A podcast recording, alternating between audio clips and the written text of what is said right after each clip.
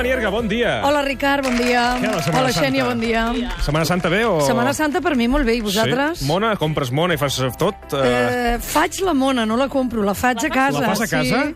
Ja tinc els ingredients. Però la xocolata- i xoco- Tot, tot, tot, ho fem tot. Fem, fem un pa de pessic, posem el xocolata a sobre, la guarnim una mica. He comprat uns ninots de Star Wars, el Chihuahua i coses d'aquestes. Ostres.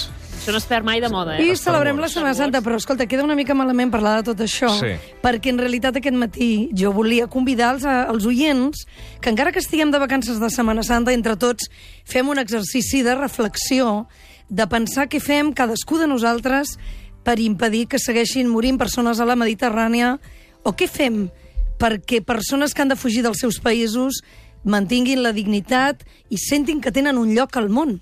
Aquest matí hem convidat a Catalunya Ràdio una persona que coneix eh, veritablement en primera persona diverses crisis humanitàries, la manera d'afrontar-les solidàriament des de tots els graons possibles, perquè ell va començar treballant com a voluntari a Metges Sense Fronteres i des de fa un parell d'anys n'és el president, David Noguera. Bon dia. Hola, bon dia. Benvingut. Benvingut Gràcies, gràcies. a la ràdio. Com estàs? Bé, bé, content d'estar aquí i agraït, agraït per aquests moments que ens doneu. Nosaltres agraïts que estiguis aquí perquè m'explicaves fa un moment que tu passes la teva vida en tres llocs diferents del món. Manresa, Sí. que és casa teva, Manresa, on tinc, on tinc la família, sí. La meva dona és d'allà i, i, i, diguéssim, hi tinc els fills i la dona allà, sí. Mm -hmm.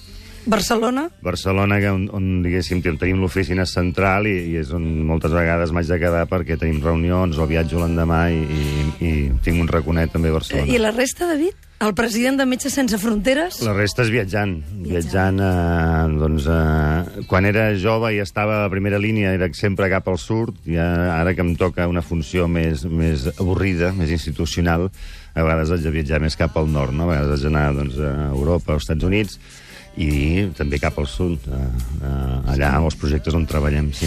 David, està sonant sopa de cabra, poder tornar enrere. Sí, bueno, eh, perquè jo sóc gironí, de fet, eh? visc a Manresa per un tema familiar i llavors sóc de la generació aquesta del, del sopa de cabra, recordo, recordo haver-los eh, vist néixer i créixer, diguéssim, i aquesta cançó m'aboca, m'aboca imatges d'això, de grups de gent, de refugiats, de desplaçats, que, bueno, que és un col·lectiu que, que nosaltres és absolutament prioritari, no? amb el que treballem, malauradament treballem molt a prop. Escolta, David, perquè els oients et puguem conèixer una mica millor, explica'ns, eh, com entres tu en aquest món de les ONGs, en aquest món del voluntariat? Per què? Per què t'hi poses? És un, és, un, és, un, és un misteri, de fet, no? és, un, és una suma de coses. És a dir, jo, jo la, durant la carrera, inclús abans, ja tenia alguna cosa, una sensació de que, de que alguna cosa no, no, no estava bé. No? Jo li dic, eh, és com interfer... jo veia interferències a Matrix, no? O sigui, veia, si hi havia alguna cosa, veia a la tele o m'informava i tal, i veia que hi havia una cosa que semblava que estava radical malament, radicalment malament, no? Sí. I llavors, bueno, doncs, durant tota la carrera ja tenia al cap aquest objectiu. Quan vaig acabar la carrera de Medicina vaig anar directe a metges a, a dir-los, bueno, vull treballar amb vosaltres, i em van dir, bueno, doncs, eh, necessites experiència laboral i un màster en, en tropical, etc etc. I quan vaig, vaig eh, diguéssim, aconseguir el, aquests requisits, em vaig tornar a presentar, i llavors, doncs, això, dos anys després, ja el, el 2000-2001, és quan ja vaig poder, poder començar amb metges i la meva primera missió va ser Somàlia. I llavors jo crec que més el que et fa començar és, més, és que és el que et fa continuar, no? O sigui, el, què et fa començar és una, és una cosa naïf, d'aniré a Àfrica, salvar el món, no sé què, Eh, I llavors és quan és el que, el que realment em va enganxar és, és quan, quan vaig descobrir la feina real al terreny. No? Llavors sí que en aquell moment vaig tenir, i recordo plenament un moment com d'epifania, ara aquests dies eh, bíblics, doncs, doncs, i de- i d'això, no? de decidir que, que intentaria que la resta de la meva vida estigués vinculada a aquest, a aquest, a aquest ofici. No? Mm, no, jo pensava tant de bo molta gent pensés com tu, David, perquè molts tenim aquesta sensació de, de, de, De malestar. d'interferències a Matrix, de malestar. De dir, no, hi ha alguna cosa que falla, no? Però no fem res. Sí. per què no, fem res? No, és veritat, no feu res. Esteu fent, jo crec que esteu fent la vostra part avui, per exemple, no? Jo crec que tots, ja no com des de Metges Sense Fronteres, com a societat, com a individus, tots hem de fer una certa reflexió col·lectiva.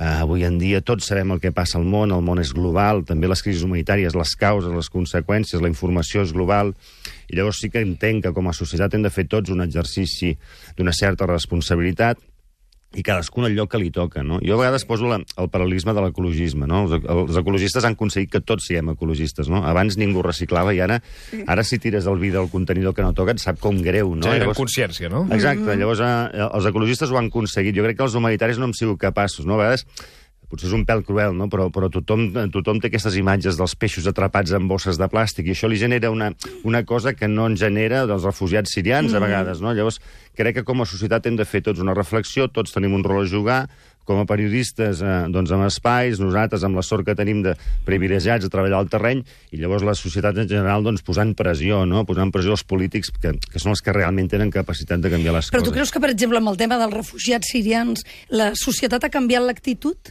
Eren, eren més solidaris fa 3 anys, per exemple? Crec, crec que sí que hi ha hagut un, un canvi d'opinió, sí. uh, que, que a més no és innocent, o sigui, hi ha agendes darrere d'això, o sigui, sí. hi, ha, hi ha agendes polítiques darrere.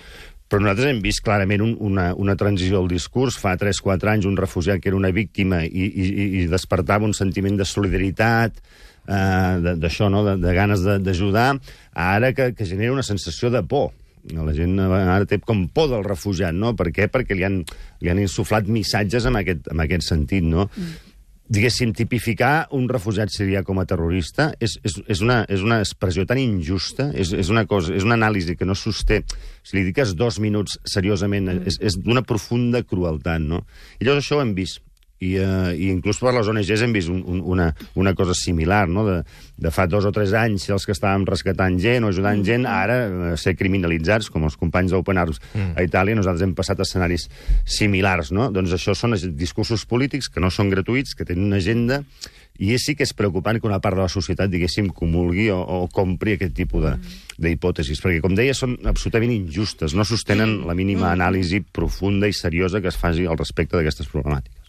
Clar, però dius, són discursos eh, intencionats. La cosa és tan perversa que fins i tot els polítics que no fan res per salvar aquestes persones poden estar generant aquests discursos de criminalització de la vostra feina. Sí, sí. És així. Sí, sí, és així. És, és un discurs que pot sortir dels propis governs sí, inactius. Sí, ja, diguéssim, i ho hem vist eh, recentment, i a l'estat espanyol, i, i a Europa, i sí, sí, hi ha gent que té un discurs eh, clar en aquest sentit, de, de, de, bueno, primer els de casa, aquest, aquest, tipus de, sí. aquest tipus de retòrica que, diguéssim, que bueno, cala, cala en, en sectors de la població. Jo insisteixo, eh, o sigui, nosaltres, per exemple, no ens sentarem a una taula a negociar si hem de rescatar gent del, del mar o no. O sigui, no és innegociable, que, això. Ah, no ens podem seure en una taula a parlar d'això. Seria una absoluta bogeria, no?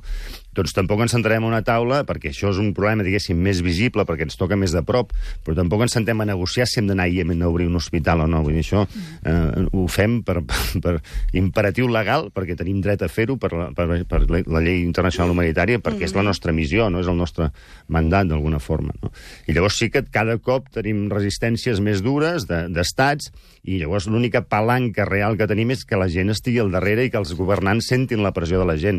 Això ho sabem. Vull dir, aquí i a molts llocs l'única forma que un governant canvi polítiques és quan realment sent l'alè de la gent, la pressió de la gent al darrere. És a dir, si els partits polítics avui, torno l'exemple de l'ecologisme, tenen al programa electoral una pàgina sobre l'ecologisme, que la compleixin o no ja és una altra història, però tots tenen una pàgina nosaltres ens encantaria que hi hagués una pàgina als programes electorals sobre humanitarisme, no?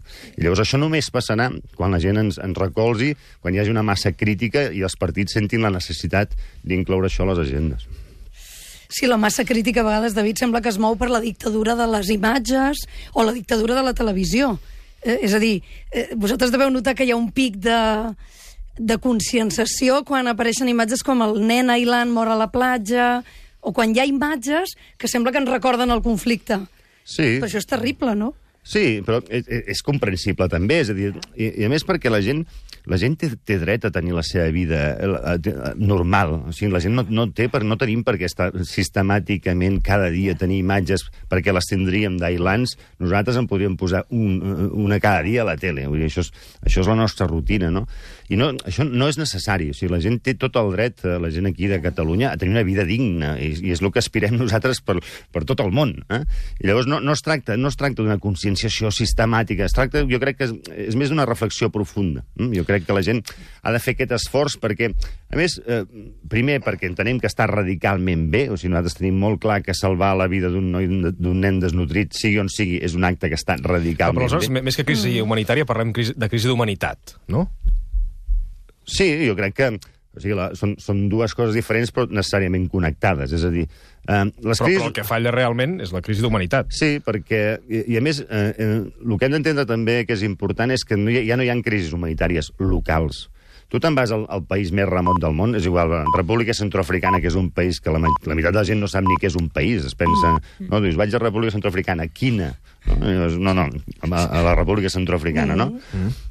I, i tu fas una anàlisi del, del conflicte i les causes ja són globals, no hi ha cap conflicte local. O sigui, si vas estirant els fils, darrere sempre hi ha governs, mm. empreses, etc etc. O sigui, les causes de totes les crisis humanitàries són globals. I les conseqüències són globals també. L'èbola ja ens va avisar. L'èbola era una epidèmia africana que va esdevenir global. El tema dels refugiats ha vingut per quedar-se. És a dir, si algú pretén que això s'aturarà, simplement és d'una... i- i- O, o si s'aturarà amb mesures com les que estem veient. Eh? Murs, eh, ofegats, acords amb Turquia, etc. O sigui, això tindrà un cost, un, en vides, en patiment, i això tindrà un cost polític. És a dir, sincerament, com a societat haurem retrocedit. Vull dir, no sóc jo qui diu que tot aquest episodi mediterrani quedarà als llibres de la història i quedarà, diguéssim, com una vergonya de, de la societat europea. No? Jo crec que aquest sí que és una anàlisi compartit per tots nosaltres. David, tu creus que ens podries ajudar a posar-nos en la pell d'un refugiat?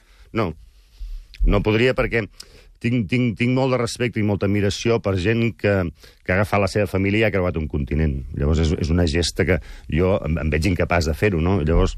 Um, jo és dic- impossible, no? Per més que ens ho hi puguem im o intentem imaginar-ho, no, no ens podem posar en la seva pell, no podem imaginar el drama d'algú que fuig del seu país, fuig del seu país perquè no vol la violència que hi ha en el seu país. Uh, fuig, fuig del seu país perquè, perquè uh, tem per la seva vida o pels sí. seus, i ara, degut a aquestes polítiques, les rutes migratòries o de refugi és diferent. O sigui, hi ha gent que té tot el dret legal de fugir. Una persona té tot el dret legal, està en el seu dret i els estats han de respectar aquest dret de fugir del seu país. És més, els estats han de protegir aquesta persona.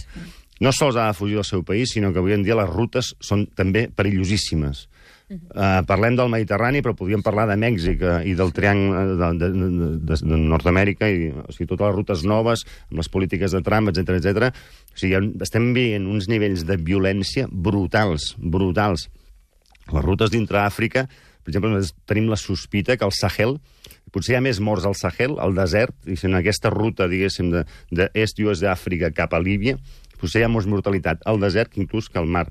Dir, tot això són preguntes que, que necessiten resposta, però efectivament eh, costa molt, costa molt fer aquest exercici d'empatia, no? Sí. El, que, el que és evident, és evident és que, és que aquests nivells de patiment, aquests nivells de mortalitat són inassumibles i que s'ha de trobar una solució més humana. És a dir, a vegades tens di- discussions d'aquestes polaritzades, no? Posem muros o obrim les portes mm. a tothom el que sigui, però una, un- una, una, una solució més humana, no? Que, que, no, que no tingui aquest con, degoteig constant de morts, això és, és, és, és, un, és un escenari factible, no? Posem muros o obrim les portes a tothom, dius. Bueno, aquest- però això no ens ho podem ni plantejar. És a dir, és Aquests són evident els- que hauríem d'obrir les portes. Tu alguna vegada eh, has dit allò de... Sembla mentida que venen milers de persones pel mobile, sabem perfectament com allotjar-les a la nostra ciutat, i en Sí. canvi som incapaços d'allotjar 600 refugiats que piquin a la nostra porta. Bé, és que, diguéssim, ja, lo de les portes obertes per tothom, eh, o, o, o els murs, això són els discurs polaritzats, són com les postures més extremes.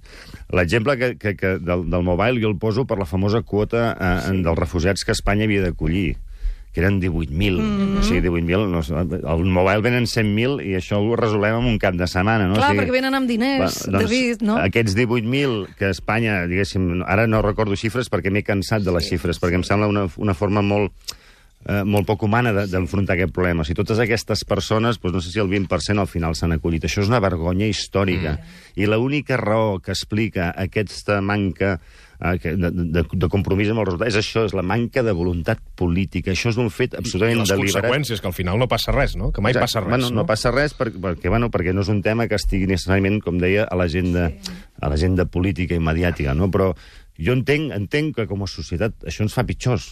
És, és la meva, la meva, uh, la meva humil Clar, però si, si perspectiva. uns estats es posen d'acord per arribar a unes quotes no, de, de repartiment de refugiats i aleshores no es compleixen i no passa res, en, no, no té cap sentit res, no? Per això, i, però, però no, no, no, no, no ja, passa ja no res... compleixen ni el que acorden entre ells. Sí, no passa res en termes, diguéssim, d'això, de, de, de represàlies pels governs, però sí que passa en termes de patiment humà. O sigui, som Clar. gent que es queda sense refugi, um, això té un cos en vides i en patiment enorme, uh, i, no, i, i, passa, i ens passa com a societat. Jo entenc, uh, insisteixo, crec que ens, crec que ens fa pitjors. A més, quan estem parlant d'aquestes xifres. És a dir, 18.000 refugiats a Espanya, quan Jordània està acollint un milió i mig, Uganda està quasi amb dos milions, vull dir, és una xifra que és absolutament absurda. I llavors, amb declaracions reiterades de que ho complirem, de que farem, i, tal, i, i llavors veus, veus la realitat. Que no hi ha fets, no? És això, llavors eh, també també ens costa seure a, a interaccionar amb, amb aquesta gent, no? És que estem en, diguéssim, estem en realitats diferents. Però, David, llavors és viure constantment amb la frustració, no? viure amb una, amb una, amb una barreja d'emocions. O sigui, Sí. Metges Sense Fronteres està fet de grans frustracions i de grans èxits, perquè assumint que, que diguéssim, no som, nosaltres no som un actor que pugui canviar l'estatus quo de la cosa, de les coses, no som un actor geoestratègic i global, és a dir, el govern dels Estats Units no ens escolta, per, o, o la Unió Europea tampoc, és a dir, nosaltres la, vam renunciar als fons de la Unió Europea després de l'acord de la Unió Europea, pensant, vam fer un gest polític per veure si això posava pressió i canviaven les polítiques. No ha passat, no? Eh, frustració, però llavors també eh, moments de grans victòries, perquè nosaltres li donem molt, molt, molt de valor el fet de que, per exemple, o sigui, a l'estat espanyol, per exemple, som 505, eh, més de mig milió de socis, llavors nosaltres a metges eh, aquí a Barcelona som eh, uns 7.000 treballadors, llavors fem com una cadena humana que arriba de Barcelona, d'algú que dona 5 euros o 10 euros al mes, i algú, que, algú del nostre personal que se'n va al terreny, i llavors fa un part al mig de Iemen, Uh, i, i, i en, un- en unes condicions que si no hi fóssim segurament el, aquell nano o aquella mare podria morir, no? I aconseguir que això no passi i fer-ho en base d'un principi d'humanitat perquè com ens reconeixem tots com éssers humans i entenem que això està radicalment bé, com deia, que una mare al Iemen tingui un part digne i un part segur, això és una gran victòria. Quan- Encara que no canvi l'estatus quo, l'estatus quo de les coses, no? Però sí, sí, però salveu vides. cada vida que Cada, salvem... cada vida que salveu, Però abans, abans, la no Gemma, m'ha sentit. sí, abans et preguntava com, com havies començat i tu has dit una paraula que m'ha semblat interessant, que era eh, al final t'enganxa, no? Clar, com una cosa com aquesta t'acaba enganxant, per, perquè al Sí. final tens sempre aquesta, segurament, i, eh, frustració de, de que sempre has de donar de més, no? De mai has donat prou, no? Bueno, eh, Aquesta angoixa, en- fins i tot. en- enganxa, sí, enganxa perquè, com et deia, o sigui, a vegades, no sé, tens aquests programes de coaching o de tal, no? Llavors, jo sé el que és la plenitud professional. Jo conec aquesta sensació. O sigui, sé el que és, sé el que és aixecar-te un dia al mig d'Àfrica o al mig de... i pensar, aquesta feina és, és, és increïble, no?, quan has tingut un bon, un bon dia, no? Hi ha dies que, diguéssim, no és la mateixa. I llavors eh, és una feina que m'ha permès no sols omplir-me com, a, com a professional, sinó també m'ha donat una vida molt intensa, és a dir, molt intensa d'emocions, de vivències. Crec que a vegades em pregunten, no, David, eh, treballar amb metge està fent millor persona? No, no, no sé si millor o pitjor, però m'ha fet com soc, decididament, després de quasi 20 anys en aquest ofici. I ho dic des d'una sensació de privilegi, de, perquè, perquè entenc que si ara tornés als 26-27, que tenia quan vaig començar, Que volia salvar el món. exacte, doncs tornaria a fer exactament el mateix, no? I llavors crec que això és un, això és un bon balanç, no? Entenc que és una feina també on has de conviure molt amb aquests contrastos, no? És a dir, passar d'un dia on això et sents que has fet una gran tasca i llavors compartir-ho amb una frustració gegant, no? No sé com, com es casen també aquests dos sentiments. És, és difícil, o sigui, la nostra és una feina de contradiccions profundes, i, però com em deia, sí, la, jo tinc un altre cop el, el, el privilegi de, de, de sentir que a vegades eh, en alguns llocs doncs, has pogut fer la diferència com em deia, no, no, no la diferència a Iemen, mm -hmm. però en algunes comunitats i per algunes persones, doncs, doncs la teva presència, el fet de la teva presència és un, bueno, realment ha fet una diferència substancial, no?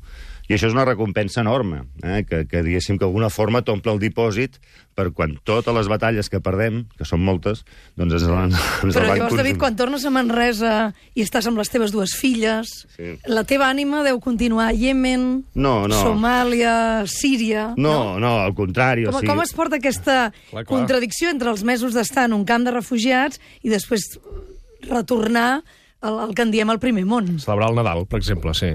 Sí, home, home, La òbviament... mona, no? Abans parlàvem Sí, de, de sí. com faríem la, No, la mona demà passat. la mona, sí, Però sí. el, el, que, el que procuro a casa és, és diguéssim, ser, el, ser el, el millor pare possible. No, no, estic, no tinc massa clar que ho, que ho aconseguim, però ho, ho intentarem. I també, com a qualsevol Tan pare... perfecte no pot ser, eh? Vull No, dir que home, algú però- deu fallar, no, eh? No, i tant, no, no, no, ja t'ho dic. O sigui, nosaltres no, no, no som... O sigui, no- a vegades tenim aquest, aquest mite de ser millors persones o ser uns herois. O Sí, sigui, una jo, superioritat moral, Bueno, no? això no, jo crec que és com, completament contraproduent pel sector. clar. Mm, jo crec que quan més normalitzem la nostra feina, més l'estendrem. Perquè a vegades la gent diu, no, és que Estel fes una altra pasta. No, o sigui, o ens ajudem, veritat, o, això, o ens sí, sí. juntem Sí. tots aquí. Per això jo entenc aquesta aura, a vegades, no, ens- de superherois que ens posen... Jo, sincerament, de superheroi no tinc absolutament res. És a dir, jo que sóc... Ah, sí, és el que us deia, no? Metges sense fronteres sou els millors i, per tant, el president els millors dels millors. Jo, si demà em toqués la loteria i em toquessin 25 milions d'euros, no sé què faria, sincerament. No, no sé si em posaria cabell i m'aniria a Marbella i em compraria un descapotable. No ho sé, perquè sóc tan normal com qualsevol de vosaltres, no? I crec que quan més normalitzem aquesta feina, més l'estendrem. I llavors hem d'acabar amb aquesta distinció de no, no, és que ho heu de fer vosaltres. Jo no, jo no, no, no m'atreveixo ni a mirar. Sí, que ningú que estigui escoltant l'entrevista digui jo no podria. Jo no, és sóc com ell, no. És que no és veritat, que perquè... tots podem. Bueno, i a part perquè eh, jo sí que sé el que és anar a l'altre costat, no? I llavors crec que molta gent hauria de viure aquesta experiència Sí. perquè realment se n'adonarien de que sí, no sols poden, sinó que és una feina fascinant. No, només el fet d'anar al Tarajal i passar, per exemple, la frontera entre eh, Marroc i Ceuta, ja te n'adones de- d'una cosa mm, garrafal, no? que és que jo amb un paper eh, sóc tractat diferent que qualsevol altra persona. Però és que és tot, Només no? això ja, ja et fa entendre moltes coses, no? Per exemple, eh? Però jo, per Per exemple, exemple, que està aquí al costat i el pots veure... Ara, ara que sóc president, que, que, bueno, que no, no, no, és- és més visible, no és tan important, però és més visible, i que a vegades, en, en, ara conec doncs, doncs, alguna celebrity o algun famós i tal, no, no m'impressionen perquè és que a mi m'ha impressionat molta gent, o sigui, em vaig a Somàlia i m'impressionen els somalis, la, la resiliència que tenen, les històries que t'expliquen. I me'n vaig a Iemen i els iemenís em donen lliçons diàries, el personal iemení que tenim nosaltres al terreny és impressionant, són, són referents professionals mèdics i de compromís amb la professió. Diria el mateix dels col·legues sirians que es van quedar fins l'últim moment a Alepo, sota les bombes, treballant, fent cirurgia de guerra al límit. Clar, jo tinc el privilegi de conèixer aquesta gent i aquestes poblacions, i realment és, una, és un màster. Cada vegada, jo que tinc un màster d'aquests de- oficials... eh, Aquest és l'autèntic, aquest és el bo, no? Sí. Però cada cop que he fet una missió he tingut la sensació de tornar-ne amb tres, la veritat. O sigui, jo vaig fer un màster aquí arreglat i fas un examen i donen un sí. diploma i fas allò de l'orla i tota la història. Cada cop que he anat de missió he tornat amb tres màsters, perquè és un privilegi, com us deia, treballar amb els companys i amb les poblacions d'aquest- d'aquests països que tenen que tenen a bé acollir-nos i que, més, el grosso de la feina el fan ells. I, i, i això és molt emocionant i és una lliçó vital eh, i professional de primeríssim nivell. David, eh, escolta, ha sigut un plaer conèixer-te. No, home, no, no, sigut no, un- no et coneixia jo, vull dir que... No, no ens coneix.